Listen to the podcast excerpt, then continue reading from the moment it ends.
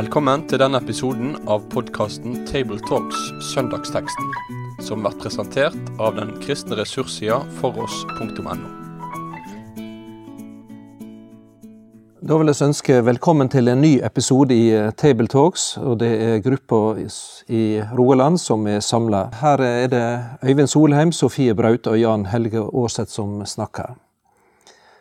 Det er vingårdssøndag, og den bibelteksten som er knytta til den, den er henta fra Matteusevangeliet kapittel 19. Eh, det er bare noen få vers. Det er fra vers 27 til vers 30. Og kanskje nå vil vi be deg, Øyvind, om du kan lese det til oss. Da tok Peter til orde og sa til ham, Se, vi har forlatt alt og fulgt deg. Hva skal da vi få? Jesus sa til dem, Sannelig sier dere, i gjenfødelsen, når menneskesønnen sitter på sin herlighetstrone, da skal også dere som har fulgt meg, sitte på tolv troner og dømme Israels tolv stammer. Og hver den som har forlatt hus eller brødre eller søstre eller far eller mor eller barn eller åkrer for mitt navns skyld, skal få hundrefold igjen og arve evig liv. Men mange som er de første, skal bli de siste, og de siste de første. På Vingardssøndag så er ofte bibeltekstene knytta til delte med å arbeide i Guds rike, og der er flere slike lignelser om eh, vingardene også i evangeliefortellingene. Men eh, på denne søndagen så er det en eh, litt annerledes tekst som er valgt ut her fra Matteusevangeliet. Om Peter sitt spørsmål og Jesus sitt svar på, på dette, hva skal da vi få? Eh, men eh, disse få versene og denne samtalen mellom Peter og Jesus eh, den står nå i en sammenheng som nettopp knytter den inn mot vingårdssøndagen og vingårdstekstene. Kanskje jeg skal si litt i innledninga litt om, om plasseringa til disse her ordene og denne, dette svaret til Jesus. Hvordan det, hva er ramma som vi nå er i? Jeg tenkte jo nesten litt sånn på tøys, men litt alvor òg, at denne tekst, eh, teksten som er gitt oss til denne søndagen, er nesten som sitatjuks å regne, nesten, fordi eh, sammenhengen er så viktig. Fordi Jesus' svar til Peter blir liksom hengende litt i løse luften, fordi eh, lignelsen om den gode vingårdsmannen eller jordeieren som kommer i kapittel 20 vers 1-16, er jo på en måte en del av svaret som Jesus gir på Peters spørsmål. Og Derfor så er det nok enda viktigere enn en ofte ellers at vi har med sammenhengen når vi skal tale over og, og utlegge denne teksten, tenker jeg. Ja, for Hvis en skal si litt om ramma som dette står i, så starter det med denne unge rike mannen som møter Jesus og spør da spørsmålet hva skal jeg, skal jeg gjøre for å arve Guds rike. Og vi husker vel kanskje da Jesus svarer, vil du være fullkommen, gå da og selg det du eier og gi til de fattige, da skal du få en skatt i himmelen. Kom så og følg meg. Og så snur han seg bort og går sorgtung bort fra Jesus, står det her. Eh, det er innledninga som på en måte er noe av bakgrunnen for denne samtalen, og kanskje også Peters spørsmål. Eh, og etter lignelsen, Sofie, hva er det som etter så, så kommer oss inn en lignelse? Kanskje du kan si noe om den? Ja, for, for i kapittelet etterpå så følger jo egentlig en utdypning av, av det, den samtalen som vi skal snakke litt mer om her, da, mellom Jesus og Peter, der, der det nettopp er denne her eh, lignelsen fra, fra vingarden og bonden og arbeideren der, da. Eh, og det er jo ganske Jeg føler jo egentlig altså, til det som Øyvind òg nettopp sa, at, at, dette er jo en generell Det er kanskje litt ekstra presserende her å få med sammenhengen. Men jeg føler jo generelt vi kan ta det som en sånn påminning om å lese bibeltekster i sammenheng, og lese de eh, hver gang en har et utdrag, at en, at en, tenker litt på hva sammenheng det står i. Um, det, det, er Noen ganger det er viktigere enn andre, men det er egentlig alltid viktig å se se bibeltekster i en større sammenheng. og Ofte dras vi jo mot en litt sånn uh, mannakorntenkning, og det er ikke alltid det er feil, men, men mange ganger så vil vi jo få et, et mye større og, og, bedre bilde av det når vi ser ordene i sin sammenheng. Og ikke minst her, da, så vi kan jo komme litt tilbake igjen til det òg, hvordan, eh, Jesus på en måte eh, avslutter jo nærmest her med å la, la et litt gåtefullt svar henge, henge litt i løse lufta. Men så, med en gang vi leser litt videre, så ser vi at at han gir en eh, veldig dypsindig, men òg eh, utdypning så, så tar sånn menneskelige eh, perspektiv med, veldig med i betraktningen. Så, så er det viktig å, å, plassere denne teksten i en sammenheng, sånn som Øyvind nevnte i starten her. Og Nå blir det vel kanskje en litt lang tekst da, hvis en skal lese alt dette på, på en tale på, på, et møte, men uh, dette med nådelønna, denne denaren, uh, det er iallfall et poeng som en kanskje må ha med seg inn i, i Peters spørsmål og Jesus svar. Eh, for å få det rette perspektiv over eh, hva Jesus egentlig mener her? Jeg ville kanskje gjenfortalt litt fra lignelsen, nettopp fordi den er så en viktig del av, av svaret til Peter. Eh, hva skal vi få? Og så er jo det som vi får i vår tekst, det er at de skal få bli både opphøyd til uh, troner, og de skal arve evig liv, få mangedobbelt igjen. Men så kommer denne cliffhangeren, eller denne Men de siste skal bli de første. Og så kommer lignelsen om den gode jordeieren som gir lønn ikke sånn som en vanlig arbeidsgiver vil gi, men også de som eh, knapt hadde jobbet en time, fikk like mye som de som hadde slitt å jobbe hele dagen. Og, og da kommer jo setningen eh, til, til Jesus i, i, vers 12 i, i, i kapittel 20 eh, om responsen til de som hadde slitt hele dagen. Og de knurrer eller murret mot jordeieren og sa de som kom sist, har arbeidet bare en time, og du stiller dem likt med oss, vi som har båret dagens byrde og hete. Og Det gir på en måte et litt nytt lys over Peters spørsmål hva med oss som har forlatt alt, hva skal vi få? Det ligger på en måte en slags en dobbelthet hos Jesus med en anerkjennelse. Ja, dere skal få mye igjen eh i, eh, for at dere har forlatt alt. Men husk, som en slags ettertankens advarsel, at jeg som er god, jeg har også eh, gir etter godhet og gir nådelønn. Uh, så dere ikke må ende opp som disse bitre uh, som blir bitre over at jeg er god mot andre. Men så begynte du altså dette møtet med den rike unge mannen, og, det er en tydelig reaksjon fra disiplene. De ble rent forstøkte og sa 'Hvem kan da bli frelst?' Og så tar Peter ordet og eh, spør eh, med sin personlighet, kanskje det som de andre tenkte og lurte på. Han eh, setter ord på det. Sjå, vi har forlatt alt og fulgt deg, hva skal da vi få? Jeg vet ikke, Hva, hva skal en tenke om Peters reaksjon på det her? Jeg syns iallfall han tar med på en utrolig god måte. da, det, rett og slett det, Vi trenger det der menneskelige, umiddelbare perspektivet. Kanskje vi av og til er litt sånn veldresserte òg i en del sammenhenger, og, og, prøver å være litt sånn fromme og tenke at vi må jo, vi må jo løfte blikket, og vi må, må, vi må liksom tenke på, på, Guds rike og på, på, på, de store linjene, liksom. Og det er jo, eh, det er jo absolutt eh, viktig. Eh, og, og, jeg vil jo absolutt si her at Jesus virkelig innbyr til å tenke dypt og, og høyt om dette. Men samtidig så syns jeg jo teksten her viser at vi skal på en måte ikke hoppe bukk over de, den rent sånn umiddelbare menneskelige responsen. og Derfor er det veldig bra å få Peter sin høgst menneskelige respons. Hva med oss? Hva, hva med oss har lagt ifra oss garn, og vi som har gått rett ifra alt her og fulgt deg? Eh, han tenker jo på de menneskelige eh, Få et sånn veldig sånn menneskelig eh, perspektiv, da, og liksom lønn i en ganske sånn konkrete forstand òg, eh, tror jeg. Evangeliene gir jo på mange måter eh, stemme til alle våre spørsmål, enten de er passende eller upassende. Altså, eh, og det er jo på en måte litt befriende. For det, det er ekte mennesker i Jesu følge. Seinere i, i, kapittel 20 så er det jo, er det jo en mor til CBDU-sønnene som kommer med sine eh, ærekjære eh, spørsmål om sagt, hvem som skal regnes for å være størst, på en måte. Så, så det, evangeliene er jo ærlige om uh, hvordan disiplene er mennesker som, som, oss. Og det er på en måte en, by, en innbydelse òg, at selv om vi kan gjerne føle at, at, noen sånne spørsmål er upassende, så syns jeg i hvert fall Jesus sitt svar her eh, tyder på at han liksom tar høgde for, for både Peters litt sånn umiddelbare respons, men òg eh, på en fin måte da utvide perspektivet etter å ha møtt han der så, så han er. Og det, det er noe av det som virkelig gir dybde til den til den samtalen her òg. At det liksom ikke bare nei, Peter, nå må du løfte blikket her og liksom med en gang tenke de store tankene. Men eh, den der menneskelige responsen, den er, er det grunn for å tenke at ja, han, er det noen som vet at vi bare er mennesker, så er det jo nettopp Guds sønn.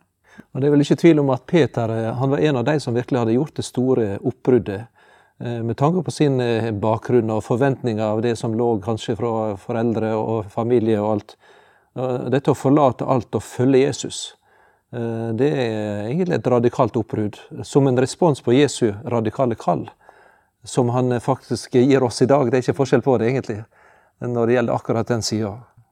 Hva skal vi da få? Men Jesus han svarer kanskje på en måte her som er litt overraskende når det gjelder det. Eh, han løfter blikket og peker framover på, eh, på, på, det som skal komme. Eh, og det er veldig sånne store vyer, hvis en skal tenke på, på den måten.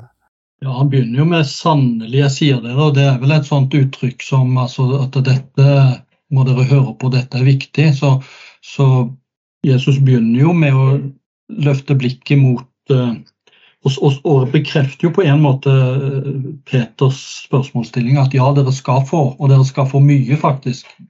Eh, men så henleder han jo oppmerksomheten til gjenfødelsen, eller når alt skal bli født på ny. Og det er vel, eh, Sikter ikke det fram mot gjenopprettelsen, eller hva tenker dere? Eh, her er jo hva menes med gjenfødelsen. Og tronene og og eh, dommere over Israels tolv stammer. Hva i verden ligger det i alt dette? Ja, Det er vel flere bibelvers som kan uh, hentes fram på det, men uh, uh, sånn som en tenker om det, så må vel dette med gjenfødelsen her ikke nødvendigvis være den hver enkelte menneskets gjenfødelse, som også er nevnt, som f.eks. i Johannes kapittel 3, men, men det er verdens gjenfødelse.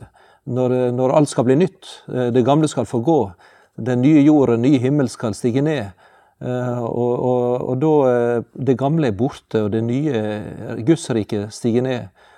Så det er vel det som er snakk om, sånn som en tenker her, når en bruker herligdomstroen herlig, si. Altså det, det er Gudsriket sin fullkomne prakt som stiger fram til oss her. Der Peter også blir løfta inn da, i dette. Der er vel de som tenker på dette som en sånn midlertidig jordisk epoke, som et tusenårsrike. Men eh, eh, i alle fall fra min side så ser jeg vanskelig at det kan komme inn her. Eh, det er snakk om eh, eh, når Gud skal stige ned til dom og til opprettelse. Eh, og han, da sitter han på domstrola si. Og der er mange på en måte profetier både fra den gamle pakt og i Det nye testamentet som er nevnt på dette som vi ennå ikke har fått sett. Uh, om, om, når enden skal komme og verdens gjenfødelse og Jesus skal komme igjen, uh, så skal han uh, stige ned som en dommer. Og der skal Peter være med. De tolv tronene og dømme de tolv Israelstammer, som det er nevnt her. da. Jeg tenker det kanskje ifra, inn fra Johannes' åpenbaring kapittel 4, vers 4, der den store hvite flokk, og der lammet i midten, og de 24 tronene. Eh, som er på en måte, Det, det, det er metaforer av bildet, selvsagt, som vi ikke helt eh, klarer å se for oss konkret. Men eh, der de fleste er vel enige om at det er vitner fra den gamle pakt. Israels historie, den gamle pakt som stiger fram. Og så er det vitner fra den nye pakt, apostlene som stiger fram og står der kring lammet og er med i domsakten eller eh, proklamasjonen eller det å løfte sannheten og rettferdigheten fram og vitnesbyrdet om, om, Kristus og lammet som ble slakta, og, og menneskets stilling overfor det. Eh, så det er egentlig store, store ting som sprenger alle rammer for et eh, vestlig liv. Og det blir på en måte presentert for en enkel fisker fra Galilea. Det er egentlig eh, helt umulig å se for seg. Eh, den omveltninga, og den, eh, den Altså det, det, som skal skje når Gud setter foten ned, mm. uh, og, og, ser verden omkring oss og kjenner det praktfulle skaperverket omkring oss, og ser det, og så ser oss ondskapen og, det, det, vonde og, som bor i mennesket og alt omkring oss og når verden brytes ned. Men en dag så skal dette bli annerledes. Og der sier Jesus til Peter da, Peter, der skal du få være med å være en sentral person gjennom ditt vitnesbyrd og din eh, person i, i, den akten.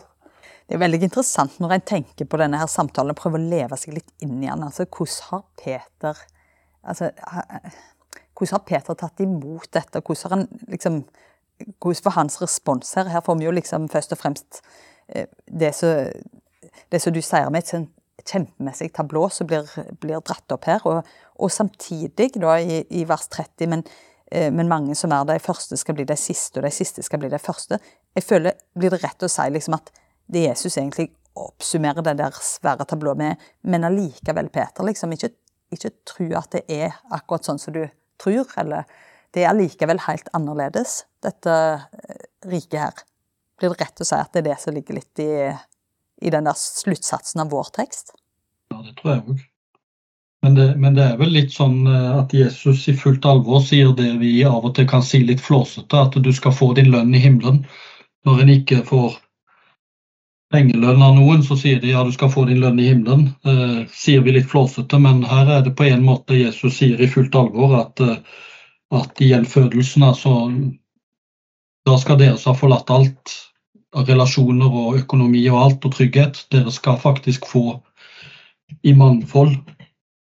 Men som du sier, men glem ikke at de første skal bli de siste. altså og, og, og, og lignelsen om hvordan jordeieren eller Vår Herre er. Memento, liksom. Mm. Eh, og så er det et moment inn her eh, når det gjelder eh, Peter og, og apostlene og disse. Så er det ikke tvil om at i frelseshistorien, hvis du ser det sånn, så valgte Gud ut et folk i den gamle pakt. Han valgte ut Abraham, ei ett som ble et folkeslag som skulle være hans demonstrasjonsfolk eller proklamasjonsfolk eller vitnesbyrd for verden, og fram til i dag. Eh, og de har også mellom hendene våre i vitnesbyrdet i Nytestet og Gamle testamentet. Eh, og så sier Paulus når det gjelder det, at eh, oss som folkeslaget, som da sitter her, oss skal få oppleve å bli innpoda på det løftet og på den rota som de fikk. Fra Roman 11 f.eks. Der, der skal vi få del i det som disse også hadde fått i løftet fra Gud helt ifra den gamle pakt. Eh, der oss, ble, oss som en, var som en vill oljekvist, altså en som egentlig ikke var i stand til å bære frukt, eller som sto på ut, utsida, skal podes inn mellom dem eh, og få sevja fra rota sammen med dem. Eh, så det er noe som jeg syns er utrolig fint. Det er at du kan si Guds løfte står fast. Han er trufast, han heller ord. Det han har sagt allerede fra starten, fra skapelsen og gjennom Israels historie fram til i dag. Det vil skje. Eh, og da vil en som folkeslag folkeslaget, hedningfolka, så vil en bli inkludert i Guds løfte knytta til israelsfolket. Eh, og der Peter og de andre som var jøder, sto fram og var en del av dette gjennom kjøtt og blod, vel gjennom trua Abrahams forbilde, så vil vi bli del av det vår truende fars løfte og få rettferdigheten i gave. Eh, så denne, dette løftet som er knytta til eh, de tolv israelsettene, som er et bilde på Israel som folk, da, det, de blir oss en del av eh, gjennom trua på Jesus. Det blir, det blir løftet til oss. Vi får del i det, som, som disse blir, får løfte i her, og som Jesus gir dem. Så det er verdensmisjon, selvsagt, det er snakk om her. Og jeg syns det er et eh, enormt perspektiv eh, over eh, hverdagen her å se fram på noe sånt. Ja, det, men, men, det er klart i, i vår tid ville vi kanskje kommet med noen oppfølgingsspørsmål etter Peters spørsmål hva skal vi få, også når det var plutselig snakk om dommere og troner og stammer, så ville vel vi spurt litt om hva konkret det innebærer. Paulus snakker jo til og med om at at vi kristne skal en gang dømme til og med engler. Så det er jo en del ting her som vi i vår virkelighetsforståelse i vår tid kanskje ikke er helt på innsiden av her. Som disiplene var mer på innsiden av. Det tror jeg eh, at både vi som predikanter og tilhørere nok uh, undrer oss litt på hva innebærer dette helt konkret. Det samme kan en det samme kan en jo på en måte si litt om det som står med alle som har, altså Som ligger selve svaret òg. eh, Flere av disse tingene her merker jo jeg når jeg i møte med denne teksten, at det kan fort bli litt sånn at alt eh, blir liksom tolket en sånn selvsagt Ja, sånn, sånn er det vi forstår det. F.eks. For det som står i vers 29 om alle som har forlatt hus eller brødre eller søstre eller far eller mor osv. vi forstår jo kanskje litt av det som ligger i det, men sånn, hva betyr det å forlate? Så vi har det, har det veldig komfortabelt, mange av oss kristne her i Norge iallfall. Og, og det der er jo noe der òg som skal, jeg tror iallfall skal, eh, skal utfordre oss da, til, til, å tenke gjennom hva betyr det eh, i mitt liv. Vi vet jo noe om hva det betydde som Peter, uten at vi vet alt i livet. Vi vet at han forlot fiskegarden og, og, og, og fulgte Jesus, men vi vet jo ikke sånn fullt ut, selvfølgelig. Altså, det betydde et enormt skifte, et enormt oppbrudd i hans liv. Men, men, i alle fall at vi ikke blir så vant til å se disse ordene her, at vi bare tenker ja, ja, det betyr et eller annet, en kostnad, eller eh, Men å prøve å være konkrete på det, da. Hva, hva ligger det i det? Det er jo tydelig at eh, både her og ellers når Jesus snakker, så snakker han jo i ganske tydelige bokstaver om at det vil koste å være i hans følge. Eh, det er på en måte litt av det som følg meg, ta ditt kors opp og følge meg, det er på en måte litt av kallet. Men her sier jo Jesus noe om at en skal få rikelig mangfoldig igjen Eh, og allikevel så sier han noe om hvordan han som herre er med denne vingårdslignelsen med jordeieren, som, eh, som i respons på de som har båret eh, dagens byrde og hete Hvorfor reagerer du på at jeg er god mot de som bare har jobba en liten time? Altså, det er noe med at Jeg tror kanskje at i kirkens historie så har det jo vært av og til sånn der A- og B-lag med de som nær sagt har gått i kloster eller i eh, opp, oppgitt alt. Og nær sagt eh, spørsmålet ja, hva skal de få? Er de, får de en egen posisjon i, i uh, evigheten? Ja, tja. Uh, Iallfall så la Jesus det henge igjen. Glem ikke at mange er de første og skal, bli de siste, og de siste skal bli de første. Og, og viser oss hvordan vingårds uh, er. Han er annerledes enn det vi ser for oss i sin godhet. Nettopp, og du nevnte jo i stad òg det der med lønn i himmelen som et slags sånn munnhell eh, og et uttrykk, liksom. Og det er jo av og til det der ja, men de første skal bli de siste, kan en liksom si, da, sant? i forskjellige litt sånn mer spøkfulle sammenhenger. Og, og, men eh, det, det, er lurt å lese den der eh, lignelsen om den der vingårds, de vingårdsarbeiderne og vingårdsbonden. altså, så virkelig igjen minne seg om hvor provoserende det er hvis vi ser for oss dette bildet på vår egen arbeidsplass. Eh, og, og, nettopp for, for, for, et av poengene til Jesus her er jo å forbeholde seg retten til å virkelig være den som, som er den ultimate dommeren, som faktisk har oversikt over alt. Og i våre øyne vil jo det kunne spille ulikt ut, for vi har så, først og fremst for vi har så begrensa innsikt. Så det, det er jo òg noe av storheten i svaret her, altså, rett og slett. Og så er det kanskje en, en pekepinn noe mot det en kan kalle for kravmentalitet. Eh, som er preger vår tid veldig sterkt. At du, skal kjempe for din sak, og du skal kreve din rett. Og du skal og så er det liksom en forventning om at du skal få i eh, det som vi har krav på. Eh, men det er tydelig at her er det på en litt annen måte. Det er mer den tanken at vel, du kan miste mange ting, men du har en som er din forsørger. Som sørger for deg i alle ting i stort og smått. Og snakker om det som var Jesus sier her, at du skal arve evig liv. Eh, men samtidig så er det også et, en omsorg for det livet her. En opplever at Gud gir det en trenger.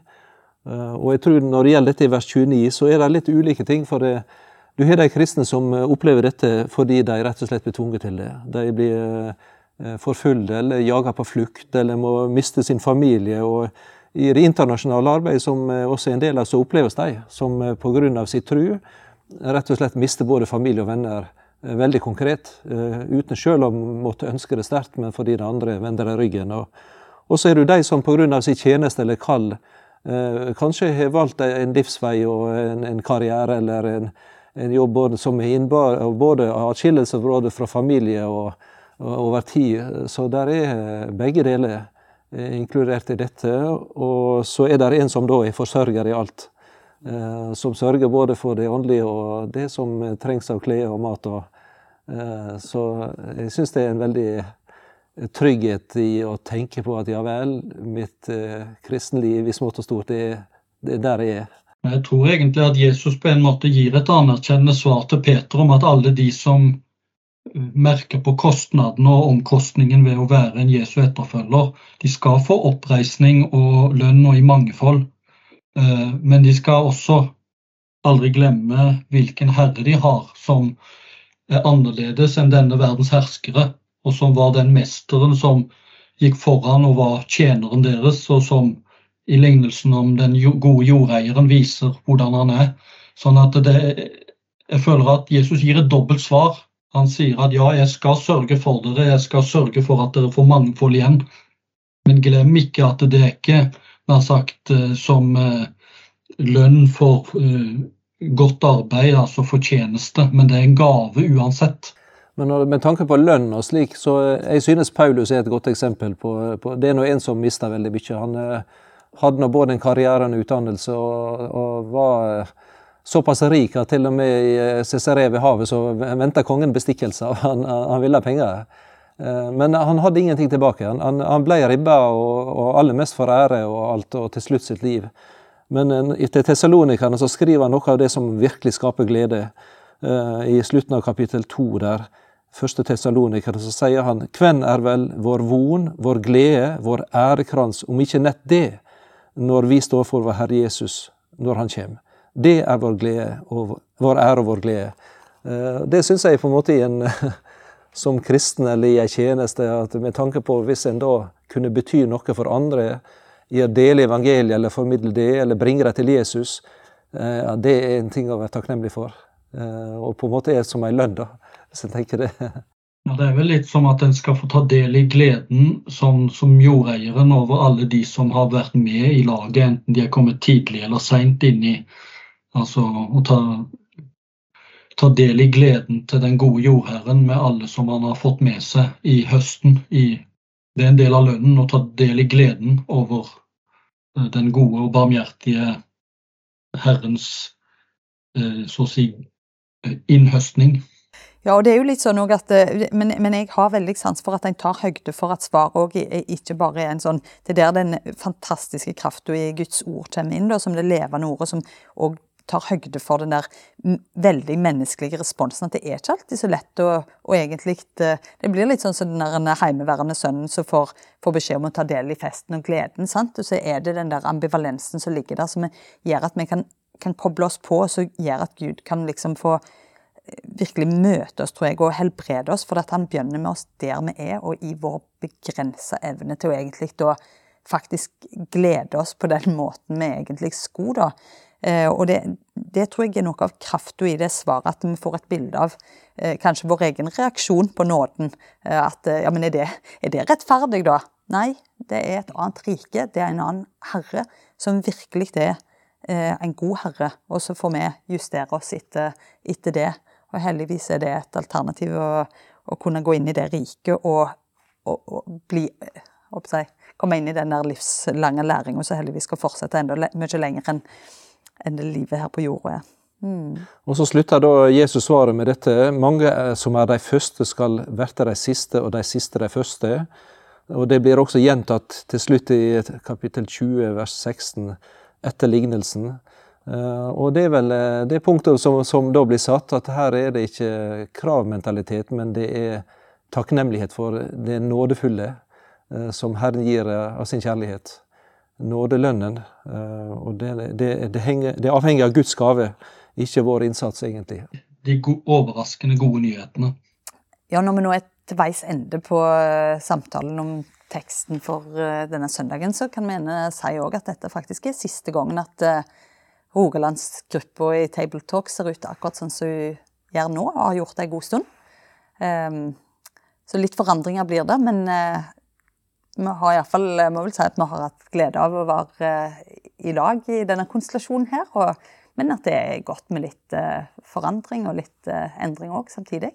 Så kanskje vi skal liksom si takk for oss i akkurat denne her kombinasjonen. Og si at det selvsagt arbeider med Tabletalks og Rogaland blir representert og sånn framover, men i en litt annen utgave. Så tusen takk for innsatsen i denne sammenhengen til både deg, Helge, og til Øyvind.